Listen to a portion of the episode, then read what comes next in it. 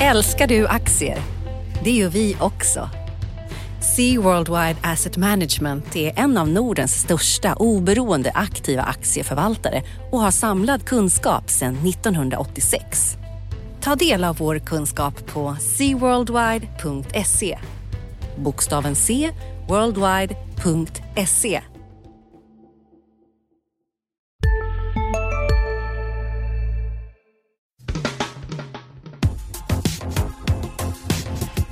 Analyspodden från Dagens Industri.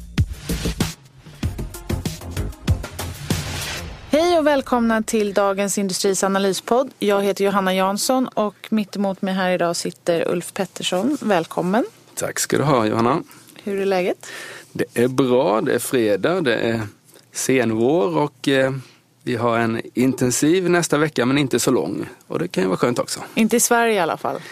Inte i Sverige i alla fall. Nej. Det kanske inte firas så mycket på andra På ställen. Det har jag dålig koll på faktiskt. Ja, men eh, vi, vi, folk börjar sikta framåt mot sommar. Men det finns ändå en del intressanta grejer att prata om. Det har varit en jätteintressant vecka tycker jag. Vi har haft en ränteuppgång för första gången på jag vet inte hur länge. Det är inte så mycket i absoluta tal men i, i om man skulle prata procentenheter så är det inte så mycket men i procent är det fantastiska uppgångar. Ja. Eftersom vi har haft nollränta länge. Och sen har vi haft en fortsatt börsnedgång då. Eh, att ha lugnat ner sig lite grann och sen så har vi massvis av statistik nästa vecka och lite Just sånt det. där. Så vi kan nog prata den här fredagen också. Ja, det låter bra. Vi har ju bytt plats här nu så vi får se om vi kan finna oss. Du brukar sitta på min sida av bordet och nu har vi roterat. Så kän- Känns det obekvämt eller? det känns lite, lite nervöst men vi, vi ser hur vi ska... Det är lite som marknaden just nu, lite Ja. nervöst. Lite nervöst. Ja. Men eh, om vi börjar med veckan som varit då. Börsnedgången. Vår kollega Micke Wilenius här skrev i veckan om fem skäl till varför man faktiskt ska oroa sig lite mer än, än tidigare för den här nedgången som vi såg då. Vad, hur tänker du kring det? Jo men det gjorde han ju. En, en del av skälen var väl så att säga mer eh, varningssignaler sådär att nedgången har skett under hög omsättning vilket är mer oroande än tidigare sättningar då som har skett till ganska låg omsättning. Det vill säga att folk har verkligen sålt den här gången vilket är lite oroväckande. Och sen så har vi en hög värdering och sen så har det varit ute en del potentater, eh, Janet Yellen och någon kollega till hon riksbanks, centralbankschefen i USA då som har tyckt att värderingen är hög. Och det är klart att sånt där kan ju spela in. Men jag tror att det viktigaste skälet är nog ränteuppgången tillsammans med en ganska hög värdering och en väldigt stark kursutveckling som har föregått det här fallet vi har sett. Men det är ändå ett par skäl, liksom ganska Ja. tunga skäl till, som ligger bakom. Det är ganska tunga skäl. Just den här ränteuppgången och där vi har ju sagt i flera år att det är oprövad eh, mark vi är inne på, ekonomisk mark här. Vi har aldrig haft minusräntor tidigare, vi har aldrig haft en sån expansiv eh, penningpolitik och en ganska expansiv, eller åtminstone på gång med expansiv finanspolitik också. Och låga räntor. Jag är inte riktigt säker på att det kan mycket väl vara så att vi hamnar i en väldigt jobbig sits där centralbanken tappar kontroll över räntorna, att räntorna stiger trots att de vill ha dem låga så att säga. Alltså, och det där är ju det där är farlig mark eh, och det kommer påverka alla finansiella mark- marknader om det så Om det drar iväg. om det Nej, drar men jag iväg. tror, alltså, som den internationella centralbanksvärlden, de är nog inte... De vill ju inte se snabba långränteuppgångar, absolut inte. Ehm, jag tror inte att, alltså, att det stiger om det beror på att inflationsförväntningarna stiger, då är det okej. Och Mm. det är väl också en del av förklaringen nu, det som har hänt. Och det, egentligen så tycker jag att hela den här, de här rörelserna sista veckan, det, det förtydligar hur mycket allting hänger ihop. Alltså det, ränten, oljepri, dollarn har stabiliserats, då stabiliseras oljepriset. Och när oljepriset stabiliseras och till och med har vänt upp som vi har sett nu, ja men då kommer inflationen nästa år vara högre bara på grund av det. Och sitter man som ränteförvaltare och vet att inflationen då blir 1% istället för 0%, då agerar man på det. Och sen så på det som också, eh, så det, liksom, det blir den här rundgången. Men om man lyfter blicken och ser det liksom ur ett längre perspektiv, precis som du är inne på, det har varit väldigt snabba, kraftiga rörelser den här sista veckan. Men vi är fortfarande på låga nivåer. Och tittar man på långränteuppgången i, eh, i Europa som har varit kanske tydligast och i tyska räntor där de verkligen har stuckit iväg. Så jämför man vad som har hänt som också har påverkat marknaden väldigt mycket. Det är ECBs tillgångsköp som de ändå håller på med. Och räntenedgången efter mm, att man inledde tillgångsköpen har varit betydligt brantare än vad den har varit under motsvarande Mm. sådana där tillgångsköp i USA och Japan. Så att det har ju liksom, investerare verkligen laddat in pengar i tyska statsobligationer. Så, så det, det vill säga att den senaste tidens uppgång i obligationsräntor, framförallt i Tyskland, det behöver inte vara en ny historia utan det kan vara en effekt på att räntan gick ner lite för snabbt för Ja, det var för mycket. Det här är en mm. rekyl. Sen med det sagt, liksom, det har varit en väldigt snabb uppgång men mm. vi, det är fortfarande låga nivåer och det som jag tycker då talar för att man inte ska tro att det bara sticker iväg helt okontrollerat mm. är ju att de fortfarande är inne och köper. Det finns mm. liksom ett tak på något sätt för hur mycket de kan stiga. Nu har ju ECB inte varit särskilt aktiv trots den här uppgången än så länge men, men deras uppköpsprogram ligger ju fortfarande mm. där och tickar. Så, så det vi får och det som kanske då, som vi kanske borde ha noterat här, till exempel i analyspodden eller i våra liksom, skriverier här de senaste veckorna. Det, vi borde ha tagit analyser upp, heter det, inte skriverier. våra analyser eh, är att den här långränteuppgången var så pass kraftig och mycket kraftigare än vad den har varit i Japan och USA. För det mm. i sig talar ju för att den inte skulle mm. hålla i sig. Precis. Och då är det, som, det som kommer ner måste oftast komma upp igen. Just det. Och då är det ECB den här gången som kan så att säga pressa ner räntorna och få börsen på bättre humör igen. Ja, eller snarare så här, pressa ner igen, lägga ett lock på uppgången. Mm. Jag tror, jag, det var, de var för låga och nu, eh, nu anpassar de sig uppåt. Mm. Men, eh, så det är väl det liksom. Men sen så tycker jag också det finns en viss, du var inne på det med gällen och Evans och även förre finansministern i USA, Geithner, som varit ute och kört liksom lite börsbashing. Just det. och det, det finns ju en motsättning lite här och det, mellan vad centralbankerna vill och vad kanske börsen egentligen vill. För vad centralbankerna vill se är ju faktiskt att inflationen stiger. Och det betyder ju, och gärna genom att lönerna stiger. Mm. Och, och gärna genom att företagen också, alltså att den ekonomiska återhämtningen också kommer bli starkare genom att företagen investerar. Just, just. De, de vill att företagen ska använda gratispengarna där ute till att höja lönerna så att vi får fart på konsumtionen mm. och att bolagen investerar mm. så att vi får, tag, får fart även på den investeringsledda delen Inte hålla på att köpa tillbaka egna aktier eller något eller, sånt där. Eller att, eller att eh, kurserna stiger på, på att man höjer utdelningen eller sådär. Nej. Nej. visst är det så. Det, är ju, och det som man hittills har sett tycker jag, är, även om det är lite bättre fart i, i ekonomin totalt och i världen, så är det framförallt det som har stuckit ut här under den extremt eh, expansiva penningpolitiken är ju tillgångspriserna då. Mm. Börsen är på all time high och, och räntorna är, är på all time low förutom sista veckan här. Och det, det, är klart att det är inte så man ville ha det, men det är ganska naturligt att det blir så. Alltså jag tror att de visste att det skulle bli så, för de ja. visste att det var en effekt. Men jag tror att vi kommer få vänja oss vid att de också nu kommer ut och pratar om, mm. precis som man har gjort de senaste veckan, att värderingarna är höga. Ja. Och om man drar det tillbaka till svenskt perspektiv, vi pratar ju mycket om bostadspriserna här i Sverige och i veckan så var vår riksbankschef Stefan Ingves ute och pratade och han tyckte jag lät lite mer som att han plockade tillbaka de här argumenten med att varna för hushållens höga skuldsättning och sådär. Han gjorde det. Martin Andersson har ju lämnat nu så nu känner han väl att han har utrymme att prata lite egentligen, alltså Martin Andersson, finans eller eh, Finansinspektionens Precis, chef. Ja. det kanske är det. Eller så är det det att de liksom har gjort så pass mycket nu att de har visat att de är beredda att agera. De är mm. oroliga för att eh, när ECB drar på med full fräs på QE att liksom alla pengar som ska placeras skulle hamna i Sverige. Då skulle kronan mm. sticka och bli alldeles för stark och det skulle dämpa svensk industri och annat. Mm. Men nu har de visat att de liksom tittar på det här och att Eh, liksom stay away har de, satt, de har satt upp en skylt hit men inte längre till internationella mm. investerare ungefär. Mm.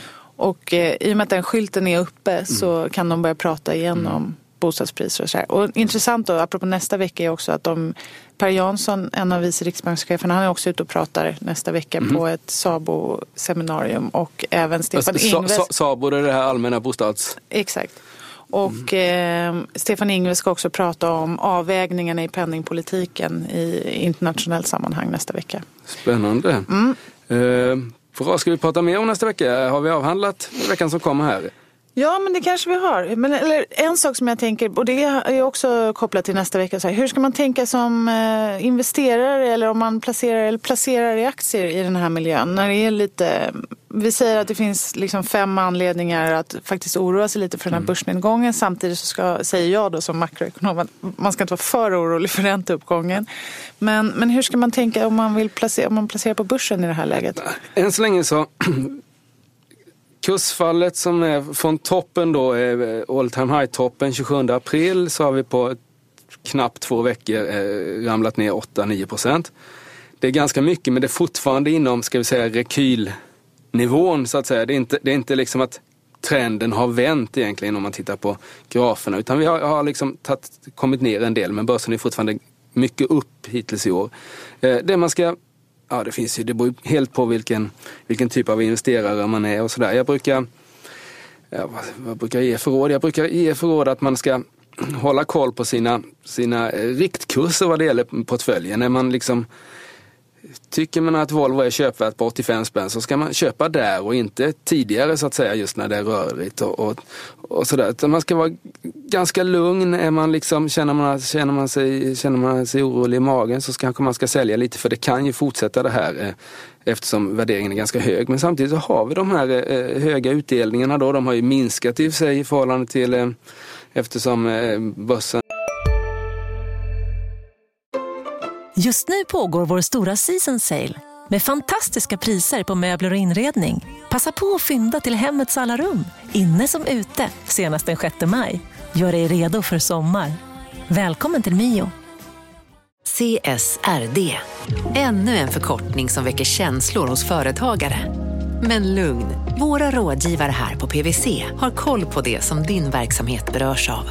Från hållbarhetslösningar och nya regelverk till affärsutveckling och ansvarsfulla AI-strategier. Välkommen till PWC. Den har gått upp så mycket så direktavkastningen är lägre nu men den är fortfarande 3% vilket inte går att hitta någon ränta i något vettigt land som ger och sådär. Så, så, eh, men ska man titta mer på själva bolaget, Volvo köpvärt på 85 spänn till exempel, ska man titta mer på så här, det här tycker jag om Volvo oavsett hur det ser ut i alla andra bolag? Alltså inte den relativa värderingen? Utan Nej, det ska man, relativ värdering är alltid början på en undergång så att säga. Det har vi sett, sett alltid. Det, liksom, det går alltid att motivera att, att man gör någonting för att för att Kalle gjorde någonting ännu värre så att Eller säga. för att allting annat är dyrt. Eller ja, precis. Men det, det mm. blir aldrig bra utan man ska liksom man ska försöka ha någon slags eh, absolut begrepp här annars blir det Annars blir det fel till slut. Särskilt nu när vi är uppe på ja, de här. Ja, precis. Och det är frågan hur man ser på börsen då. För de som tycker att börsen ska upp, de använder ju ett relativbegrepp då i förhållande till räntan. Ja, ja, det är klart att tar man Alan Greenspans värderingsmodell så har en ränta på noll så finns det ingen aktie som är övervärderad. Men det kan man inte ha, för vi kommer inte ha en ränta på noll Alltid. i all framtid. Nej. Och frågan är, och det är ju det, är ju det som är nyckelfrågan. Och jag tror att ECB som säger, de har säkert eh, tillräckligt potenta och har tillräckligt mycket pengar för att stävja en ränteuppgång här. Men, men, det, men de ska ändå är, inte ner. Nej, de ska inte ner. Och mm. marknaden är ju otroligt kraftfull när den verkligen vill. Om man, nu är, och nu är ändå liksom världen mycket mer globaliserad än vad den var i början på 90-talet. Men det, det fanns ju ingen riksbank som kunde liksom hålla några valutakurser på den tiden. Och, och jag tror att kommer marknaden bara överens om att nej, men en, en rimlig ränta nu med stigande inflationsförväntningar det är 2 procent och då, då kan det bli det oavsett om ECB mm. håller på att köpa, köpa, köpa obligationer för fullt. Alltså, jag, på ett sätt håller jag med dig. Men, men på ett sätt så tror jag att eh, de har mer, mer kräm i eh, eller mer krut i påsen än vad man kanske tror. Det är också, men, men, men det kommer ju kosta för mycket och frågan är vad de vill lägga på det. Ja, Sen precis. är det också så att vad centralbankerna vill är ju att folk ska förvänta sig lite högre inflation. Så det är ju inte någonting som man vill stävja Nej. i sig. Men, så det är frågan, men vi kan inte va, ha negativa realräntor på, på 2 då eller något sånt där. Eller vad det Nej men exakt. Och så att, om, en orsak till det här är ju också att inflationsförväntningarna har sakta stigit och det är ju positivt. Mm. Alltså ur, med centralbankstänk. Positivt. Ja, det, det är den här skiljelinjen som vi, vi har inte pratat om, men här kommer ju då eh, om några timmar när vi eh, vi hinner prata innan de kommer då amerikansk eh, arbetslöshetsstatistik här. Och det där är en sån där vattendelare. Blir den, blir den dålig, det vill säga att att inga nya, inga nya jobb, så att säga grovt då, så, så vet man inte hur aktiemarknaden reagerar. De kan reagera positivt för att ränteuppgången låter vänta på sig eller negativt för att ekonomin visar att ekonomin inte... Och det där, marknaden ena dagen kan reagera på ett sätt och andra gången på ett helt tvärtom sätt. Och här gäller det att balansera det där på något slags ja, men så Tråkigt, sätt. Eh, lagom är bäst när det gäller makrostatistiken. Ja. Man vill inte ha för mycket inte för, inte för bra, inte för dåligt. Mm. Men, men i övrigt då? Du skrev en artikel här idag om eh, att du varnade lite för småbolagen på svenska börsen. Ja, börjar de falla. Alltså småbolagen har ju som det heter ett högre betatal då, beta betavärde, det vill säga att en rör, eh, småbolag rör sig mer än storbolag över tiden. De går upp mer när det går upp och de går ner mer när det går ner. Och i den här inledande nedgångsfasen då som vi har sett de sista två veckorna så har småbolagen klarat, sig, klarat nedgången mycket bättre än storbolagen. Och det är inte så onaturligt för storbolagen reagerar alltid snabbare, det är mer professionella investerare, utlänningar och sånt där som liksom säljer. Medan småbolagen styrs mer av utbud och efterfrågan så att säga, vilja att köpa eller sälja aktien. Men det där kommer igen, skulle vi få säg 10% till här så tror jag småbolagsindex kommer falla 15 och, och storbolagen 9 då, så det blir i snitt 10. Men för det, så man ska akta sig lite? Är man, är ja, är man lite orolig så ska man mm. inte in och köpa småbolag nu utan det man ska göra i så fall det är ju för att det som kommer hända då, det finns ett jättespännande bolag här, Mycronic, som rörde sig 10% igår. Och det är sådana där, det är ett litet bolag liksom. Mm. Eller ja, inte, inte så litet som det var förr, det har ju stigit flera hundra procent det sista året. Men, men eh, där kan man nog fiska upp så att säga. Men man ska inte liksom det det du ska hålla reda på dina riktkurser. Är Mycronic köpplats på 50, ja då lägger man in och köper lite på 50. Och inte försöka, eh, för det kommer röra sig mycket. Blir det stökigt så kommer det röra sig väldigt mycket i aktiekurserna. Framförallt i mindre bolag där likviditeten mm. är låg då. Och mm. där kanske man kan göra bra bra fyndköp vad det lider. Men, men ta det lugnt. Mm. Det, det, är, apropå då nästa vecka, så alla har ju inte helgstängt men i Sverige så är det halvdag på onsdagen och det är säkert många som kommer. Torsdagen va? Torsdagen, förlåt. Eh, men det är även eh, eh det är röd dag på torsdagen.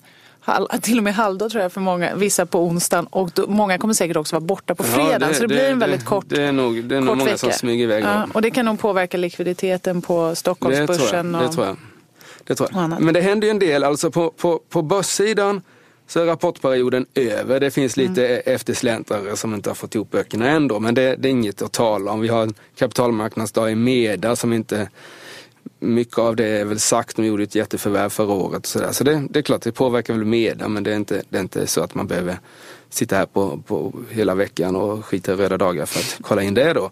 Men eh, på din front, eh, makrofronten är det lite mer? Det är lite mer. Ja, vi har eh, lite blandad makrostatistik. Vi har räntebesked i England eh, och vi har lite BNP-siffror från euroområdet som, som de kommer bli intressanta. Vi har också den här JOLTS-rapporten i USA som blir liksom en uppföljning på den här sysselsättningsstatistiken för, för april. Det. det. är Janet Yellens, som man brukar kalla favoritmått, det tittar lite mer djupare på hur egentligen arbetsmarknaden går. Mm. Och sen för svensk del så har vi protokoll från Riksbanken och lite inflationsförväntningar och även KPI som, mm. som nog blir intressant. Om, om, du, om, om du inte har tid att läsa allt denna kortvecka, vad skulle du rekommendera för läsning då av den här statistiken? Då tycker jag, nej men då kan man ju lyssna på, eh, eller titta, läsa Dagens Industri på, på i slutet av veckan. Men om man ska man välja ha... någonting. Ja. Då skulle jag eh, titta på, för svensk del så kan man titta på KPI och eh, internationellt så tittar man på euro BNP. Eh, det är väl de, de tyngsta. Liksom så. Men, men framförallt, kanske egentligen, eh, nu när du ställer frågan på det sättet, så är det några andra grejer som förutom den här statistiken som blir mer intressant. Och det, till exempel så är det eurogruppsmöte nästa vecka. Just så det, här, det har vi, nej, precis, det har vi nästan inte nämnt här med Grekland. Nej, för nu, det har varit mycket ränteuppgång, men är det någonting som kan tillkomma i den här eh, sörjan som har pressat oss en del så är det ju eh, Grekland ja. då, som ska upp på... Och det har funnits så många så här, sista minuten, nu gäller det, nu mm. är det avgörande för Grekland och sådär. Så att det blir...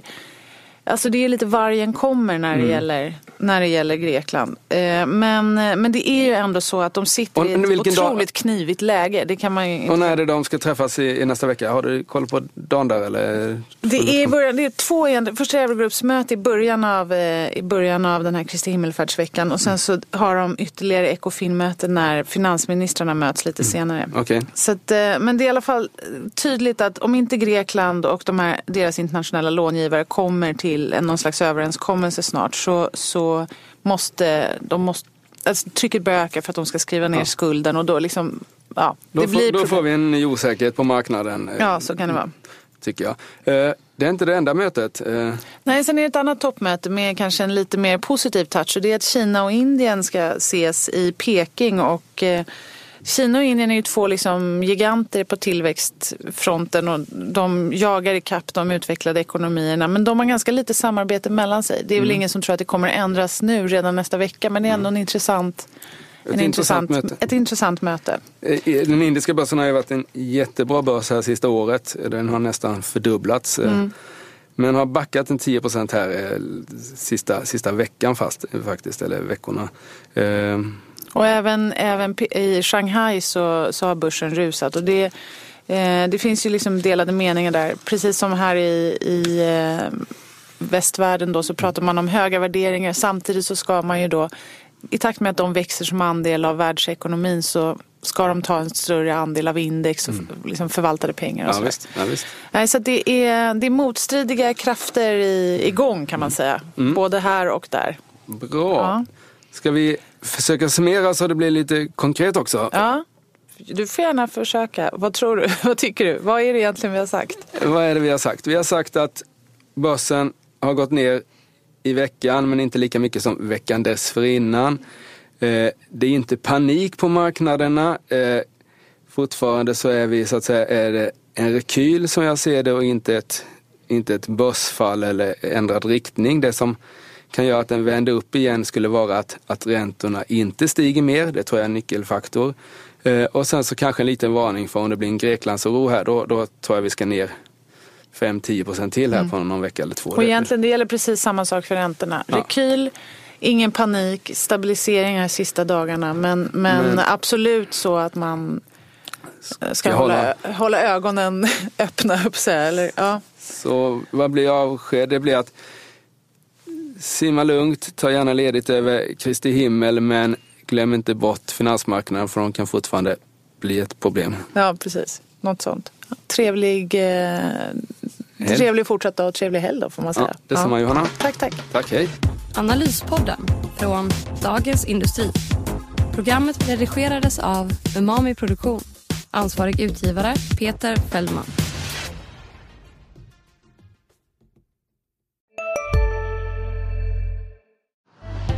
Älskar du aktier? Det gör vi också. Sea Worldwide Asset Management är en av Nordens största oberoende aktiva aktieförvaltare och har samlad kunskap sedan 1986. Ta del av vår kunskap på seaworldwide.se. Bokstaven C, worldwide.se